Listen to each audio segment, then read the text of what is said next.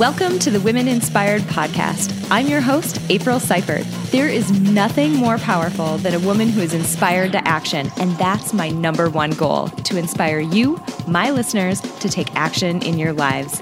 Each week, I get to interview some of the most inspiring women, and I'm bringing those interviews to you. Let's do it. Hello, guys. Welcome back to the Women Inspired Podcast. I'm April Seifert, your host. And this week, we have a wonderful woman with an incredibly rich and very useful, I would say, to your day to day life background. So I'm really excited to dive into her story and her background and the type of amazing work that she is doing right now because it is really transformational. So I'm thrilled to introduce all of you to Kate Snowise. Welcome to the podcast. April, thank you so much for having me. I'm so excited to be here. You know, I get my podcast guests in a variety of different ways. So sometimes, you know, a past guest will recommend someone or a listener will recommend someone or um, something like that, or they'll find me. And sometimes I am just digging around online looking for really awesome people and I find them. And that is what happened with you. I was digging around online and I found your website and was immediately drawn to your background because it is so similar to the background that I have. And you just have such an awesome approach to your work. So I'm excited for us to dig in today and get into all of that. I'm just so grateful that the Google Net brought us together and that you were able to find me through search engines. I always wonder if they're going to work. Yeah, right, right. But they do. I mean, it's freaky. It's totally freaky. So tell us a little bit about you. Give us a little bit about your background so we can all get to know you before we dive into all of that good stuff. Well, I think I'll just start with the accent. So, whenever people first meet me, they immediately want to know where I'm from. And so, I'm originally from New Zealand. I have lived in America for the last five years. And yeah, grew up, born and bred at that little island in the bottom of the world where The Lord of the Rings was filmed, mm-hmm. that happens to be on every American's bucket list that I meet. So it was it was a great idyllic childhood. I had a, a good life and was really very insulated from now what I consider to be the big wide world. So I had older siblings. My mum and dad had me much later in life. So I grew up much like an only child and out in the country a little bit on a what I would call a kiwi fruit orchard, which my American husband called a kiwi plantation.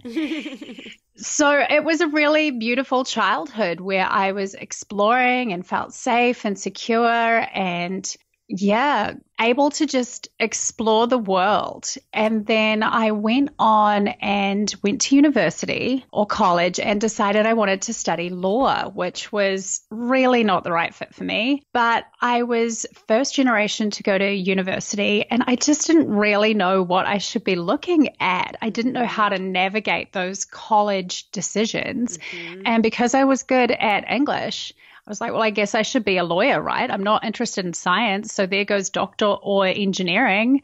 So I jumped into college and went into law school and I think it's much like an American system that, that first year is really competitive and hard to get through. And I got through that year with no trouble. And then I flunked out of my second year. Wow. And that's when I really kind of hit what was one of my first experiences of going, oh, this is a little bit of a rock bottom for me. What am I doing with my life at all of 20 years old? And that's when I turned to psychology. So, psychology wasn't something that I ever actually thought I could make a career out of. And it was just this, this blessing that the law path didn't work out for me. And in hindsight, the law path didn't work out for me because I wasn't the least bit interested in it, which is what happens when you don't go to your classes. You tend to flunk. So it's not like it was a surprise that I didn't manage to get through my second year of law school when I hadn't been going. But when I did turn towards psychology, I just fell in love. And so that's where my journey started with psychology. That's amazing. So what what I think is really incredible about that is that I mean, people have a hard time with failure, you know, like with being like going down a particular path and having an idea about how they think I don't know, think that life is going to unfold and where they think they're going to end up and how they see themselves. And then when that changes, that can be extremely difficult for people. Was that hard for you or did you just immediately find psychology and find this pivot and were you able to do that really smoothly? It was definitely hard. And I had been quite a high achiever as a teenager. So it was my first experience of failure, like right up in your face failure. And like I said, now I can look back and be like, what an absolute blessing. Because, truth be told, if I had really knuckled down, I would have got through law school and I would have been a probably completely disengaged, miserable lawyer.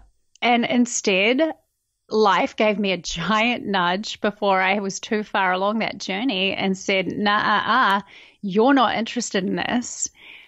Look over here. And I took psychology as an interest paper to start with and then just fell more and more in love with it. But mm. like I said, I didn't think I could make a career out of it. And so it wasn't until I was really immersed in it that I realized, oh, I could keep going with this because I'm not sure about when you went to college, April, but psychology was the biggest class. Mm-hmm. Everyone took Psych 101. So yep. I was like, oh, this isn't actually a career. This is just kind of like an interest paper. And it did take more effort. I mean, obviously, to make a career out of psychology, you have to go on and do postgraduate study. And I didn't know if I was ready to do that when I was a 20 year old kid.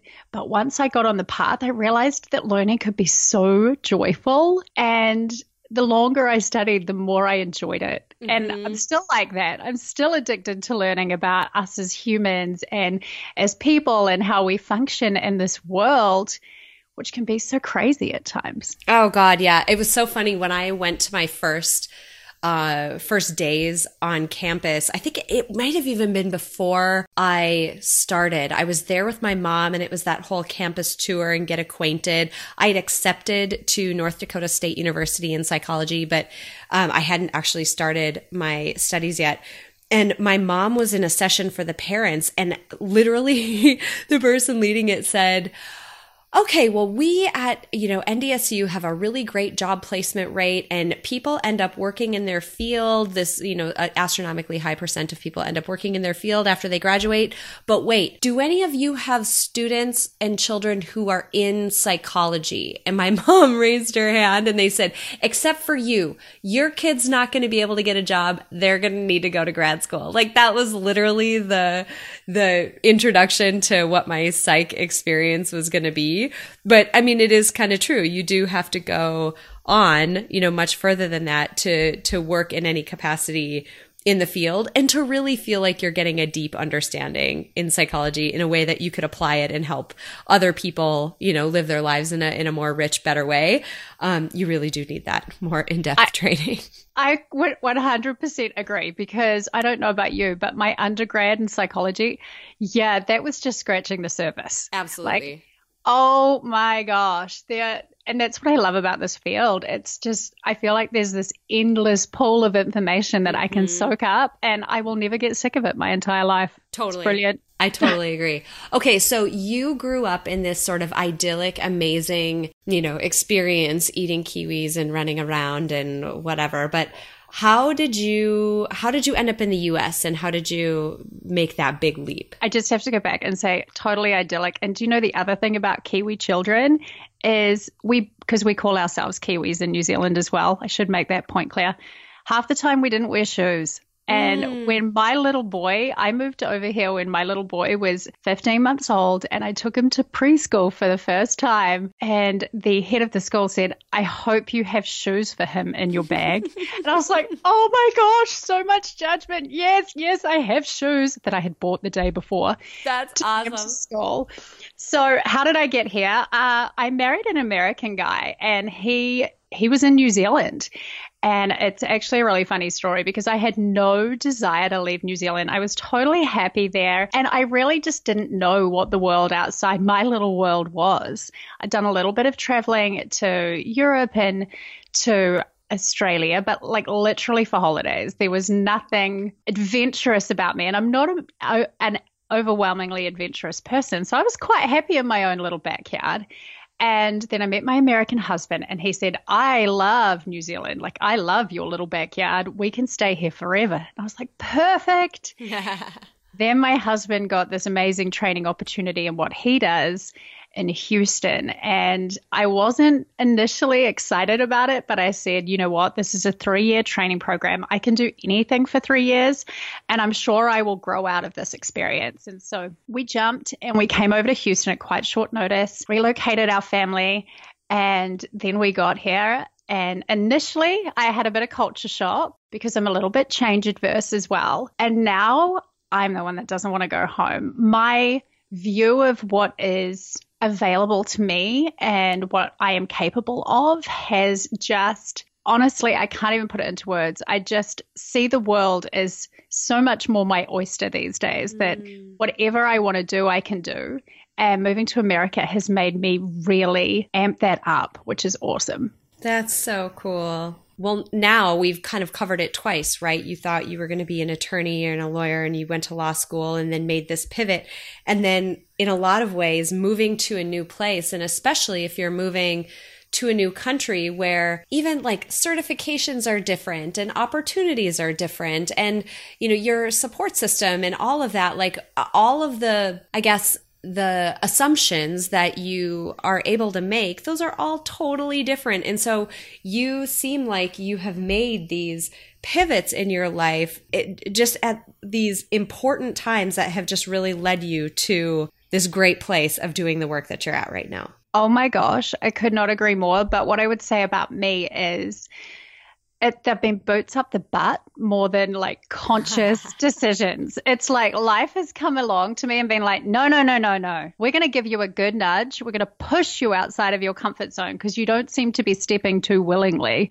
So we're going to really push you. And now I think I step willingly, but I used to need a giant nudge because I don't mm. think, especially with the law school decision, I think if I'd been more in tune with myself and not trying to keep other people happy and not trying to live up to the expectations of a picture perfect life, I wouldn't have gone to law school in the first place. Yeah. So I feel like looking back, those two pivots were kicks up the butt from life. Whereas now I feel like I'm one step ahead and I don't need to wait until I'm getting kind of thrown out into the cold, cold, that I'm much more kind of leading my own path than I was back then. I love it. Okay, so that's a perfect segue into the amazing work that you're doing right now. So you get to the United States, right? And you're kind of settling in and figuring out what you're going to do. And ultimately, you decided to become an entrepreneur and start your own company doing some really incredible work. Tell us about that, you know, that initial decision to start your company and tell us a little bit about what you're doing today. So, going back a little bit to how I mentioned, when I got to the US, I was a little bit I was a little bit shell shocked. I really experienced culture shock. And as you said, all of the assumptions I had about the world didn't necessarily hold. And even though it is a Western country that I came from, not all that different on the surface, I'm still really sensitive to that kind of stuff. So I really did feel like a fish out of water. And I happened to be pregnant with our second child when we moved to the States. Wow. And I was like, what am I going to do? And truth be told, the idea of going back into corporate America or into corporate, which would be corporate America, scared the life out of me because I had come from a very corporate job. So my qualification is in industrial and organizational psychology. I was an industrial organizational psychologist, and those are the types that work in big business. So I worked in a consulting company in New Zealand. We would do personality assessments, mm. big job organizational surveys, culture and climate, team building, leadership development, all of that kind of stuff. And so it was very much a corporate job. And then I get to the US. I'm living in Houston. I'm have a brand new baby and a little boy who's not even 2 yet. And the idea of going and signing up for a new job and a new organization mm-hmm. where instead of getting four weeks annual leave, which is government mandated in New Zealand, I now get two weeks annual leave. My husband is training and he's working huge hours my family lives on the other side of the world and I need to go back and see them. And I'm like, this isn't going to work. So, again, a little bit of a nudge when I'm trying to put all these pieces together and look at my life and go, how do I make this fit so that I'm happy?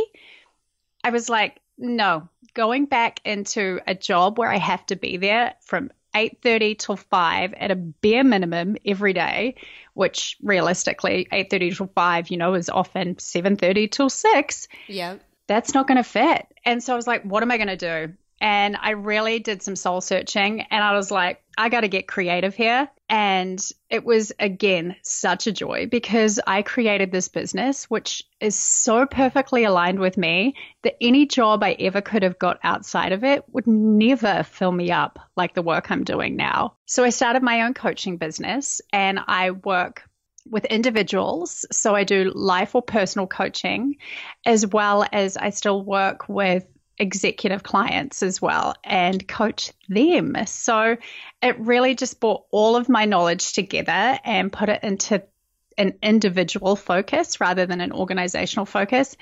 And that's what I signed up to be a psychologist for was to work one on one and I hadn't been getting that in my corporate job anywhere near as much as I craved or desired. And yeah, so that was about three years ago. And Thrive. How my business is now absolutely thriving. So cheesy as it is. That's amazing. Okay. Our shared background of psychology, um, for those who may be new to the podcast or haven't heard 100% my background, um, I am a social psychologist, so I study the or I studied the way that um, we encode and use information about social settings. So other people and different characteristics about them and how that influences our relationships with them and our behavior and how we interact in different situations and all of this amazingly complicated, seemingly irrational, but so incredibly interesting and so incredibly impactful day to day that information. And so when I found you online, I was like, oh, here's another awesome psychologist out there who is carving her own path using her psychological training and using these amazing things that you learn in that field by going to graduate school in psychology, but you're using it in such a unique way. So tell me a little bit for people who are unfamiliar with life and executive and success coaching and that type of thing. Give me a little bit of a rundown as to what it is and how it might differ from like counseling and therapy and that type of thing that people are probably more used to hearing about. I am so, I love this conversation and I love being able to have this conversation with people when they come to me because those lines are really blurry to most people. So, like I said, um, like I say to, to my clients, I consider that therapists or uh, clinical psychologists, they will typically take you where you are right now and they look backwards and help you heal. Whereas me as a coach, I take you from where you are today and I help you look forward and vision, create vision for your life. So I don't fix the parts of people that they they feel might be broken or deal with trauma or any of that kind of stuff. But I certainly help people get clear on who they are, what they want, and where they're heading so that they can create that in their life. Because the reality is, until we really know what it is we want or need or crave, we can never create that. And so I really start with self discovery and personal knowing. But if there are parts of you that you feel like are touched or tinged with trauma that you really need to heal from, that's the difference. I don't do the healing from the past mm. piece. Yep, that makes total sense. And your point about clarity and getting to know yourself and really getting a clear picture of where you want to go, it's so critical because, like, I remember back when I was, I don't know, one foot out of the co- corporate door starting to move into this weird space that I'm in now that gets weirder by the day. Isn't it um, awesome though? It's, it's, it's so awesome. weirdly awesome. it is so awesome. Oh my gosh, I could talk about that forever. But as I was getting one step out the corporate door, I was like, gosh, I don't feel fulfilled in my day to day job right now. I don't feel like I'm being challenged in the way that I want to be challenged. And I can't figure out what's going on here. And what was really interesting about it is that lack of clarity. You could have put my dream, call it job, situation, lifestyle, whatever, you could have put it right in front of my face and I might not have recognized that that was what I wanted because I didn't even know what I was looking for. So that clarity, I think that would be such a gift for so many people because what you want might be staring you in the face. You just can't recognize it. Oh my gosh. Like totally have tingles. That is totally it. I mean, when we when we are feeling that lack of fulfillment or we're just feeling kind of numbed by life, we're so often incapable of really being able to articulate what it is we want and we need. And we just kind of end up feeling empty. We just feel a bit broken, but not sure why. And it ends up feeling like we are just surrounded in fog. So I can't agree with you more when you say the thing that you most want could be right in front of you and you just won't even recognize it because you feel so foggy. Mm-hmm. And that's really what I help people with first and foremost in any coaching practice is let's get really clear on what you need to feel happy in your heart because until we know and until you know what you need to feel fulfilled, you will never be able to create it. You'll never be able to move towards it. And you're either going to continue your life on drifting or living on autopilot, or we can start getting really intentional and put you back in the driver's seat. And it is so empowering. When you know what you want and you can stand there and point yourself towards it, oh, you just feel so much more alive. Oh God. Yeah. And I mean there, right there, so much more alive and so much more fulfilled and happy and clear and not foggy people who have listened to me for a little while, you know that I thump hard on this soapbox around living your best life and enjoying your days as much as you possibly can because we get one life and we get one shot at it and your days are so important and how you spend your time is so important. And what's interesting to me is sometimes you know, when I hear people talk about the field of life coaching or, or, or, you know, success coaching or whatever you want to call it, sometimes people feel like this is sort of like, I don't know, this is like a woo woo thing that I shouldn't do, or this is kind of dumb or whatever. And it's funny because you think about it. How many of my friends have hired coaches to help them learn how to swim so they could participate in a triathlon or they have maybe hired a personal trainer or they've hired, you know, somebody to come in and work with their family in some capacity, whatever. I don't know. We hire, we're so quick to hire coaches to help us in other areas of our life that I would agree that, you know, our hobbies and our goals and the things we're chasing after are important. But I would wholeheartedly say that they are not as important as the experience we have in our life. Like that is foundational, that is critical. You're only getting one.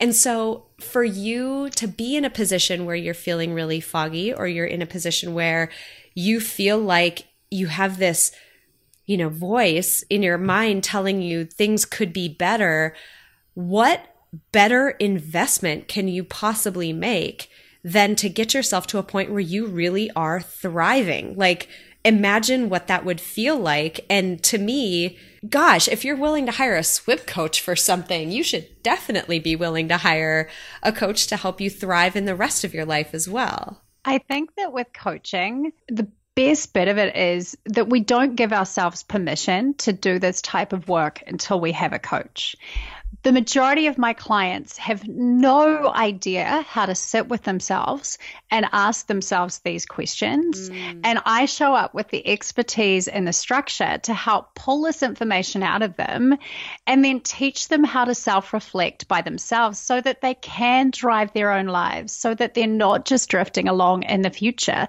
Because unlike a therapy model, I don't work with clients for ongoing periods of time forevermore. It's really a four month process where I I help you deep dive into yourself and then teach you how to do it by yourself. But I do feel like as a society, we still really underestimate the internal struggles or the, the thought processes and the emotions. We still overemphasize the external, the stuff we can see. And so when you're talking about a coach, you know, yeah, I've had a personal trainer, no hesitation in hi- signing up for one of those, you know. Hopefully I'll get fitter, I can run further, just stuff that I can see really easily. And, you know, maybe I might lose a couple of pounds or tighten up my butt. Whereas it's it's harder to weigh how happy you feel, but the influence on your life, oh my gosh, wow, so huge. Tell me a little bit about, obviously, without disclosing any personal details or anything like that, tell me a little bit about the people who come to see you and what, obviously, there's something that triggers people to come see you. Like, why did you come today, not yesterday, or today, not last year, or whatever it is? Tell me a little bit about what they're coming to you with and, and what might have triggered them to give you a call. So I definitely feel like I have two different avenues of clients that come into my business or come to see me. There are the ones that are being invested in by their business who mm. really just want the company they work for wants to give them every opportunity to be their best. So that's one path. And they're more usually like, how can I just continue on this path? How can I live my life to the fullest? But they haven't really reached any sort of internal pain yet, is what I would say. And then there's the individuals that come to me one by one of their own accord. And with those people, I recognize that they're typically hurting in some way. There is some part of them that's like, no more. This this kind of dull feeling I've had about life, this kind of lackluster, uh, it's meh that's now getting to the point that it's really hurting me. Like mm-hmm. it's no longer avoidable or I can no longer ignore how crappy I'm starting to feel. Something's out of whack and I can tell something is out of whack, but I'm not really sure what it is or how to fix it. And so they usually come to me feeling very confused and not clear about what those next steps are, but know in their gut somehow that something is off. So that's certainly like a, a, a, group of people I get. The other ones, there's been some kind of major life event, like a breakup or a job loss or uh, finally fronting up to some traumatic uh, event that was in their past. And there's sort of a, I feel like there's this period often where people hit their own rock bottom, but this determination comes out of them to turn themselves, you know, that kind of hibernation period when I think of a caterpillar going into a chrysalis before it comes out a butterfly. I feel like a lot of people come to me when they're just going into their cocoon and they need some help getting up that power so that they can bloom out the other side of it. So that's what I would say. I hope that answered your question. Oh, totally, totally. And what strikes me about that is something else that I say quite often in my podcast episodes is that I'm curious of your opinion on this. I feel like people have they have so much more control over their life and their day and their experience than they believe that they have. I feel like people don't realize even if life happens to you, which occasionally it does, right? Like bad things happen or we get a diagnosis or we experience some kind of loss or major shift and major event those things happen and we didn't cause them. But even in situations where we aren't at fault or to blame or we're not the cause, we still have an incredible amount of responsibility about how we react to that situation and what we do next. I'd love to hear your thoughts about that. I 100% agree with you. I think so many people give their power away. You know, there's that Eleanor Roosevelt quote that I can't remember, but it is something about that idea that just don't give your power away. And people do so willingly, but completely unconsciously. They just give up and believe that there is nothing they can do about it. And I am a big believer in driving our lives. Well, what do I want? And if it's not obvious how I can get there or how I can get the whole way there, or if it's an audacious goal, what's one tiny, tiny step I could take today to get me just a little bit closer? Because when we're acting in life, we feel so much better about ourselves. Whereas if we kind of just throw our hands up in the air, we inevitably fall into this downward spiral of energy that sucks us down with it. And so I'm all about getting us into a positive spiral, which is a positive step and a positive action and that intention that we're going to throw everything we've got at it. And then that's how you create a beautiful life. Totally agree. Totally agree. And it's that radical responsibility for the experience that you're having that can feel so heavy sometimes. I mean, because it is a huge amount of responsibility to say, all right, I'm going to be I'm I'm in control of what happens to me day to day or at the very least how I experience those events. This is up to me. But ultimately exactly what you said, if you don't do that, it's so disempowering. You're completely giving away the power that you have to shape your day and to say yes to certain things and no to certain things, you're completely giving that away. And I can't think of anything that's more disempowering than to be in the state where you feel like life is just happening to you and there's not a single thing that you can do about it. It's, I mean, it's almost a decision or a mindset shift. It doesn't require any physical action or event to happen to you, you get to decide that within the, you know, four walls of your own mind. I don't know how many walls our mind has, but within the four walls of your own mind, you get to decide that and then start taking steps in a different direction if that's what that, you know, responsibility and what that you know, feeling is calling for. You get to make decisions that might take you off the path that you're on. Totally hear you. And I reckon our minds have four, four walls. One thing I will say is that I know sometimes in the kind of woo woo spiritual world, there is kind of almost this guilt that people infer that, like, whatever happens to you, you somehow created. And I do not believe that. Like, sometimes, yeah, life hands us crappy cards. Mm-hmm. Like, I, and I don't believe that we in any way are responsible for the fact that sometimes life hands us crap served up on a plate. Agreed. For sure it does. But even when you get a serving of crap, you have the ability to to do something, to move, not to get sucked down into victimhood, but to be conscious about how you are exerting the control you have.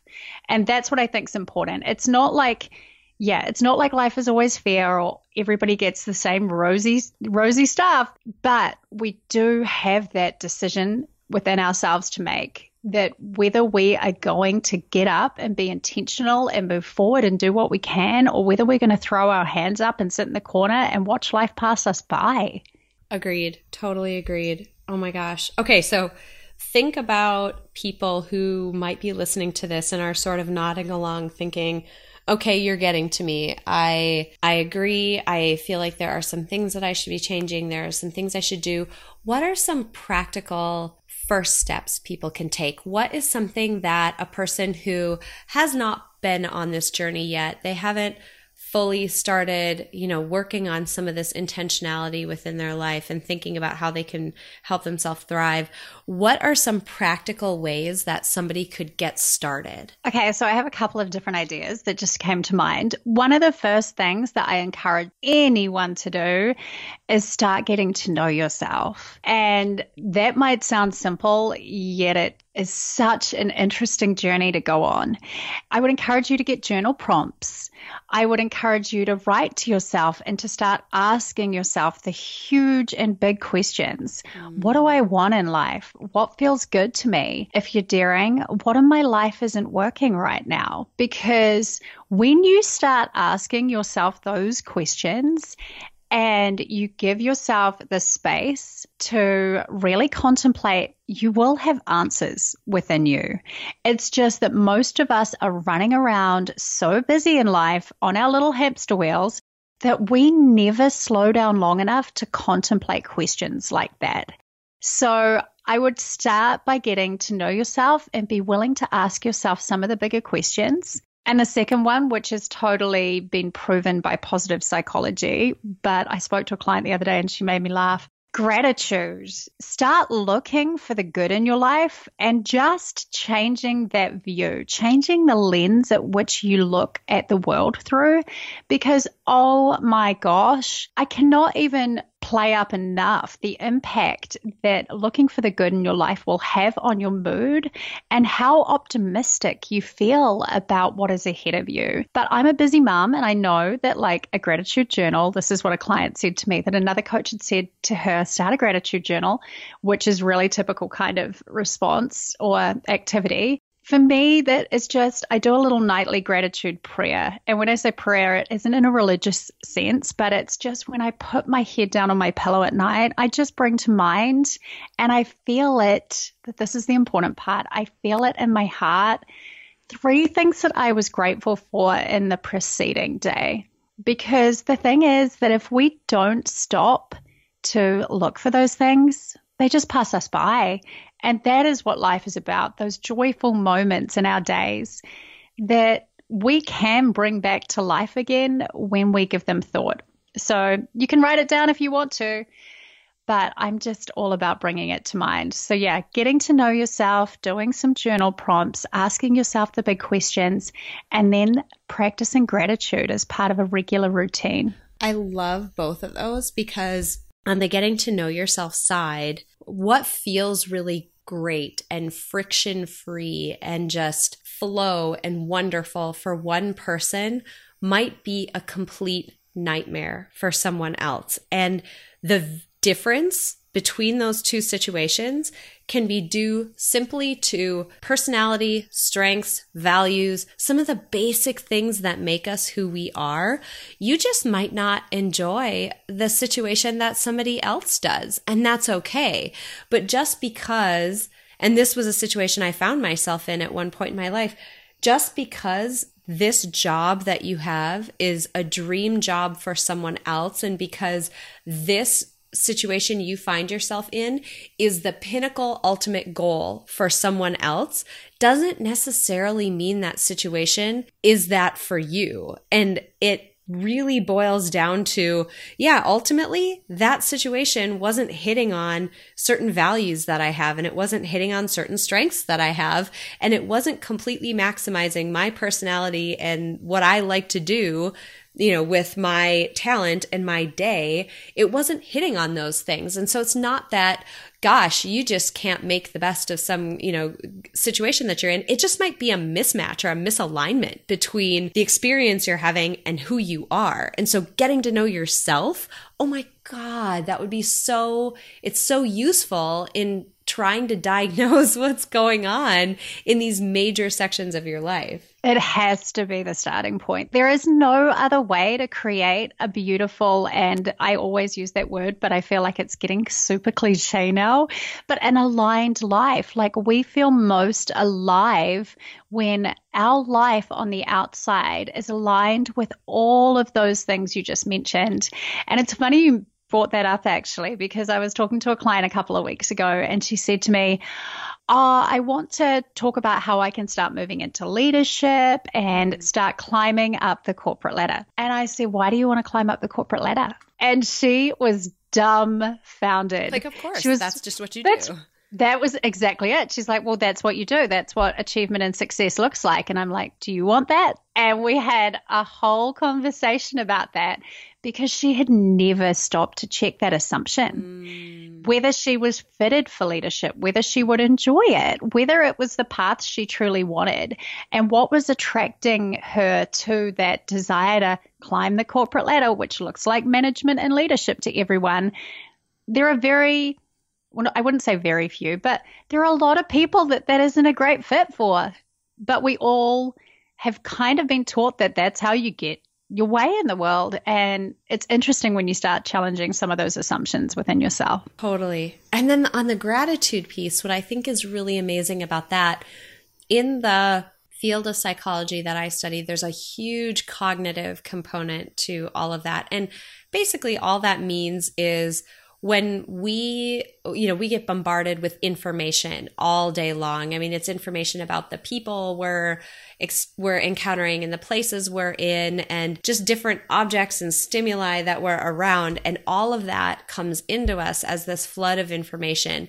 And how we focus on it and pay attention to it and what gets our attention and what doesn't, that is something that can both be habitual. So we can form habits around what gets our attention. So one thing that people may have heard is that, you know, we've got this sort of subconscious reptilian brain that kind of does its own thing. And, and that's, there's a ton of truth to that. Like we've got this sort of old world part to our brain that its whole job is to just keep us alive. Its job is to just make sure that we haven't done anything stupid or that we're not encountering anything that is going to kill us.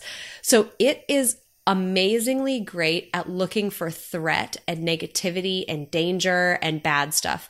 So you already have this sensor up in the world looking for negativity and bad things. However, the flip side of that is yes, certain things get habitual and, you know, in, like that in this way, but those habits can be shaped and formed and you can change how your mind naturally focuses on certain types of information.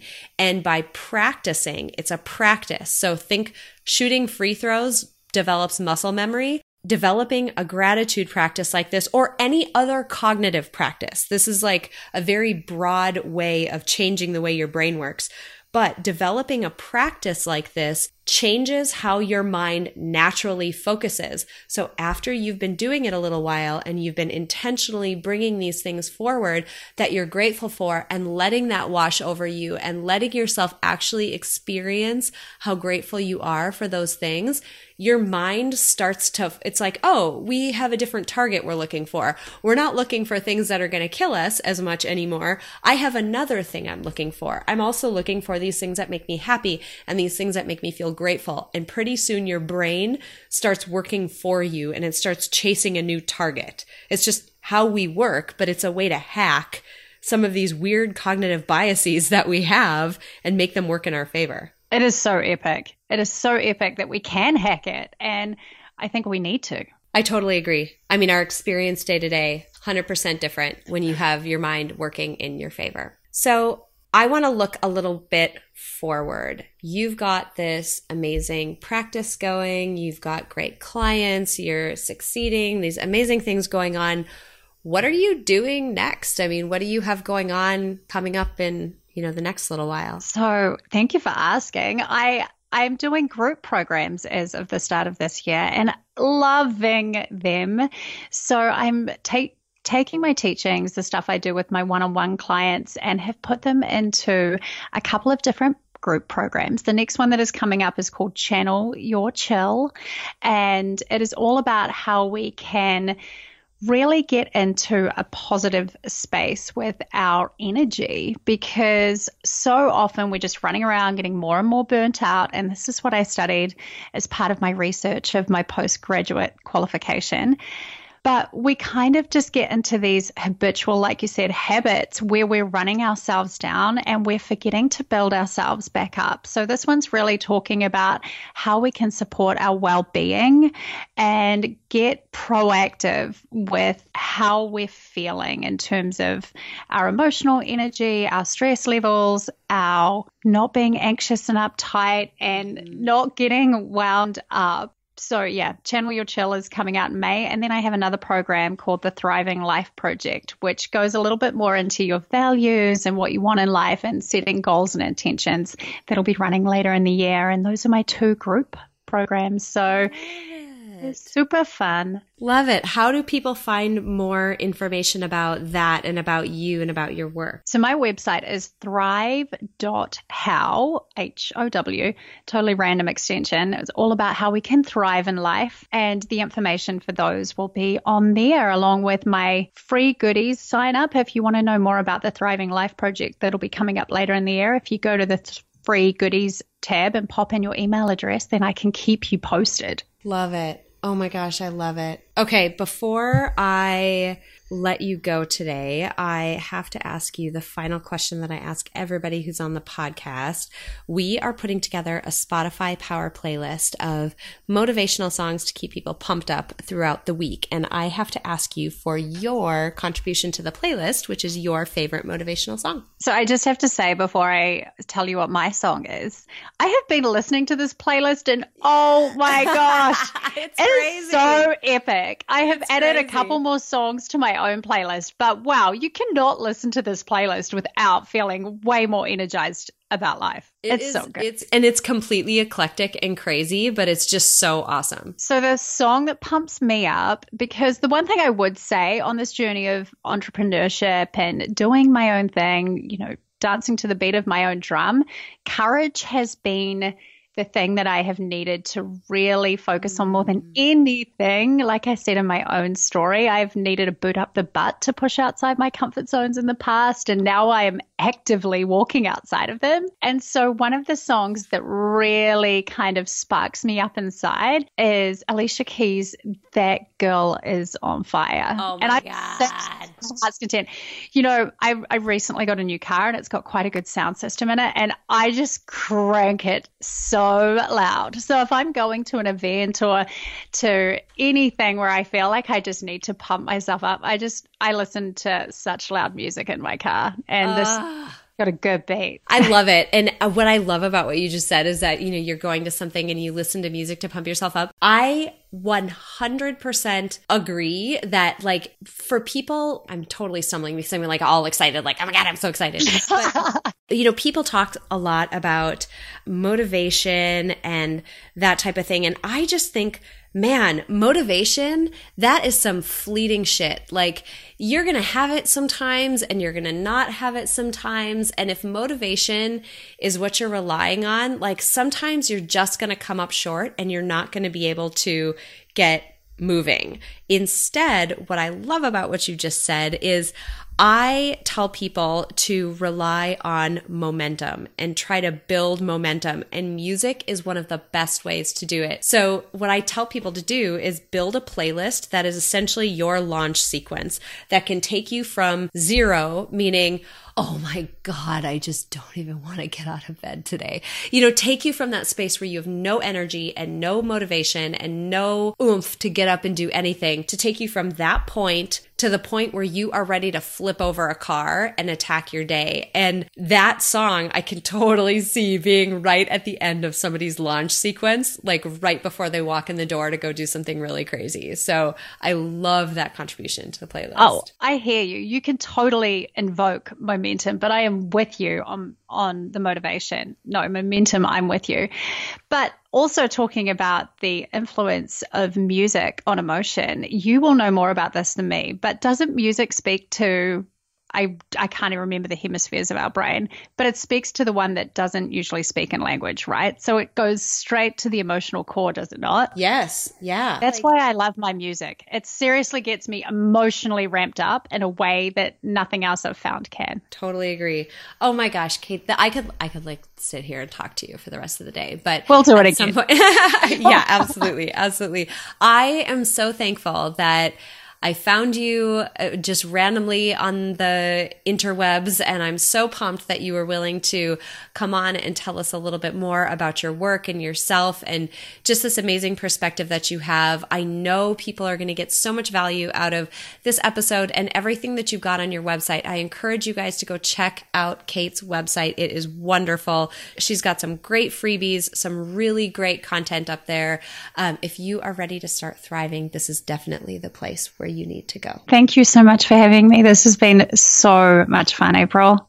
All right, you guys, I really hope you enjoyed that interview with Kate Snowise. I am just thrilled to have found her on the internet. And I'm so excited to be sharing her story and her work and her message with all of you because, like I mentioned at the beginning, it is just transformational. She is doing such incredible work in helping people thrive in their day to day lives. And I know that you know how much that is right up my alley and how important I think all of that is. So I want to hit on just a few things from her episode. First of all, she talked about a number of times in her life that life was kind of giving her a boot up the butt. Like it was nudging her in a direction that, you know, down a different path that she was not going down. She talked about failing out of law school and deciding to not be a lawyer and then ending up moving to the United States when she didn't think that she was going to be living in the United States. She thought she would be staying in New Zealand for you know, the rest of her life. And all of these sort of shifts in the way that her life played out, they all came as these giant nudges to her from just life itself. And what I think is really cool about what Kate did, and what I would really encourage you to do, is when those things happen, because they're going to happen to all of us, right? Like we all experience, you know, surprising changes in our life, when those things happen, sometimes our knee jerk gut instinct is to just panic or buckle down or freak out or push hard or whatever. I mean, we just we just want to start controlling the situation. And don't get me wrong, you have a ton of control. But before you do anything, when those big shifts, big movements in your life tend to happen, when it happens, take a minute to just pause. Take a minute to scan the horizon. You never know what opportunity might be lying on the other side of that shift that you won't even see if you end up freaking out and starting to run in a direction just because this this major life shift happened. So, they're going to happen. It happens to all of us and before you do anything, just pause and evaluate. Try to see if there is some opportunity that might be coming your way that you might not be noticing because maybe you're getting emotional or anxious or or you know any of those things that are just very natural to happen. Be intentional about focusing and looking for opportunity because you never know what might be around the corner. Second, we talked a lot about Kate's profession and the fact that, you know, she is helping people live their most fulfilled, aligned, amazing, beautiful lives and that you know, she's in this profession of life coaching, which can seem so fluffy and like, you know, it can just seem like something that is just so dumb and like, who needs a coach to figure out how to live? But the point that, you know, I made during her episode really, I want to hammer that home one more time we hire people to help us figure out how to do things all the time and things that are much less important than living an amazingly beautiful, fulfilling life. We'll hire people to teach us how to cook Indian food. We'll hire people to teach us how to swim long distances or run a marathon. And all of those things are totally worthwhile, but we give them more credit and we give them more weight than we do our day to day existence, which is what makes up 100% of our life. Like, what is more important to that? I mean, the answer is nothing. Nothing is more important than that. And so, if you are in a situation where you're feeling unclear and unsure, just consider it. And I'm not saying it has to be Kate or me or anybody else, but like consider bringing another neutral third party into the picture to help you gain some of that clarity and figure out how you can thrive and how you can live a more beautiful, aligned existence because it's some of the most important work that you will ever do. It will change your life. The last thing that I want to hit on are the couple of practical tips that Kate left us with. Clarity, clarity, clarity you're not going to know what direction to go unless you understand yourself and you know the situation that you're in. Clarity is such a big deal. As much as you can do to sit with yourself, ask yourself the hard questions, and be honest and answer them. And by that, I mean, and this is going to sound a little bit crass, but I, I mean it ask yourself those hard questions, answer them, and then ask your the, ask yourself this as a follow-up. If I had drank a few glasses of wine and I had no inhibitions left, would I have answered that question in the same way? Do you really love your job? Do you really love hanging out with that person? Maybe the answer is yes, and that's awesome. That is amazing. But if you are trying to gain clarity on who you are and what's important to you and what you value, this is not the time to sugarcoat. It is not the time to feed yourself a load of crap. It is the time to be brutally, completely honest, even if you're only being honest with yourself, even if you're only telling yourself the truth. Tell yourself the truth and get really clear. Then the last thing I'll say was her practical tip about gratitude. Literally, the experience we have as we move through our day and we move through our life is dependent on how our brain focuses on and encodes information. And you can hack it and you can train it to spend more time and more energy focusing on the things that make you feel amazing and alive. And so in the beginning, it's not easy, right? I mean, imagine like, the first time you learned how to drive, you were terrible at it, like really bad, like really awful. Think about the first time you did any activity that you're really you were really awful at in the beginning and are decent at now. It required so much intentional effort and so much focus in the beginning to start to build up some of that muscle memory same exact situation. It is going to require a little bit more focus, a little bit more intention in the beginning to start to find those things you're grat- you're grateful for and find those positive aspects of your day. That does not mean they are not there because you had to work hard for it. It just means that your brain just isn't trained to work that way, and that's fine. It is 100% worth it to go through that experience and retrain your brain to focus more on the things that are going to make you feel alive and make you feel fulfilled in your day to day life. All right. So that's what I'm going to leave you guys with this week. Before we close out today, I want to say thank you to my producer, Cameron Hill. If you enjoyed this episode, please share it with someone else who might benefit from this content. And if you have a moment, click the link in the episode description to leave me a rating and a review on iTunes. It would mean so much to me. Finally, if you're ready to start making changes in your life to align your day with your goals and your values and what fills you up, I have a free tool to help you get started. Sign up at aprilseifert.com to get immediate access to my free Life by Design life blueprinting tool. I designed this tool using theory from the fields of psychology and design thinking, and it will absolutely help you get clear on the areas of your life that are serving you and those that aren't. Clarity is a critical first step before you can design your own best life. Thank you so much for joining me this week. Until next time, have an inspiring week.